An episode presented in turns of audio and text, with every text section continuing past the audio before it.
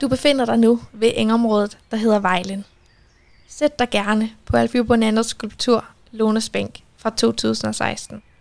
Så kan du nyde udsigten, mens du skal høre mere om Magne Lundbys besøg hos oprindelige folk og om begrebet føling. At rejse var for Vagn Lundby en måde at holde sig levende, men også en kilde til ny viden. Han lærte blandt andet om fornemmelse for naturen hos oprindelige folk rundt omkring på kloden. Lundby opholdte sig blandt andet hos Hopi-indianerne i USA, og han skrev i 1970'erne flere bøger om indianere. Eksempelvis romanen Her ligger min yucca-frugt og rejseskildringen Den indianske tanke. I 1980'erne deltog Lundby også i ekspeditioner til Alaska og Nordøstgrønland. Tidligt i forfatterskabet erklærede Vagn Lundby et åndeligt slægtskab med forfatteren Albert Dam og visioner på tværs af urtid, nutid og fremtid. Lundby lader ligesom Albert Dam væk på betydningen af drømme og alt det, vi ikke forstår.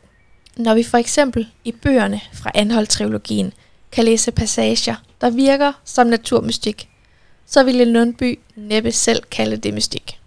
I stedet brugte Lundby ordet føling, som han hentede fra Albert Dam. Føling svarer vel nærmest til en intuitiv måde at forstå verden på, frem for det logiske og det rationelle.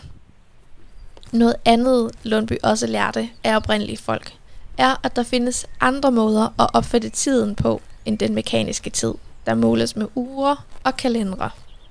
Det har Vagn Lundby blandt andet skrevet om i bogen fra 1987 med den meget mundrette titel Hjemkomster, dødelige optegnelser om indianere, kloge koner, faldende engle, menneskeaver, valer, afgrunde og andre berosende øjeblikke.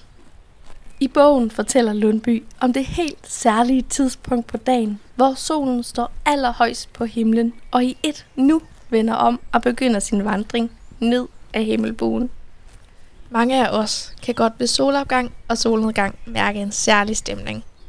Men der skal en særlig opmærksomhed til, altså føling, for at mærke vendepunktet midt på dagen. Vagn Lundby beskriver, hvordan dyrene netop har sans for det.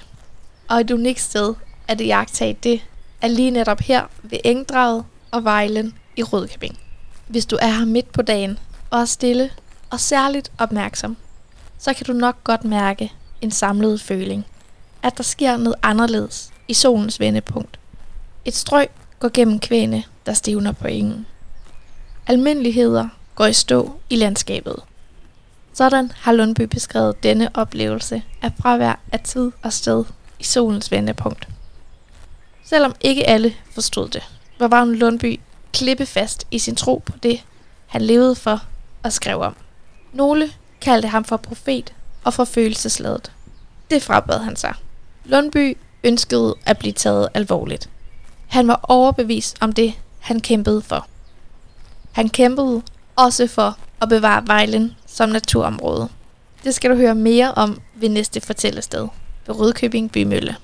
Gå videre af stien langs Vejlen og drej til højre ved Mølledammen. Gå op ad bakken til Bymøllegården, hvor du kan starte næste afsnit, hvis du har podcasten med på tur.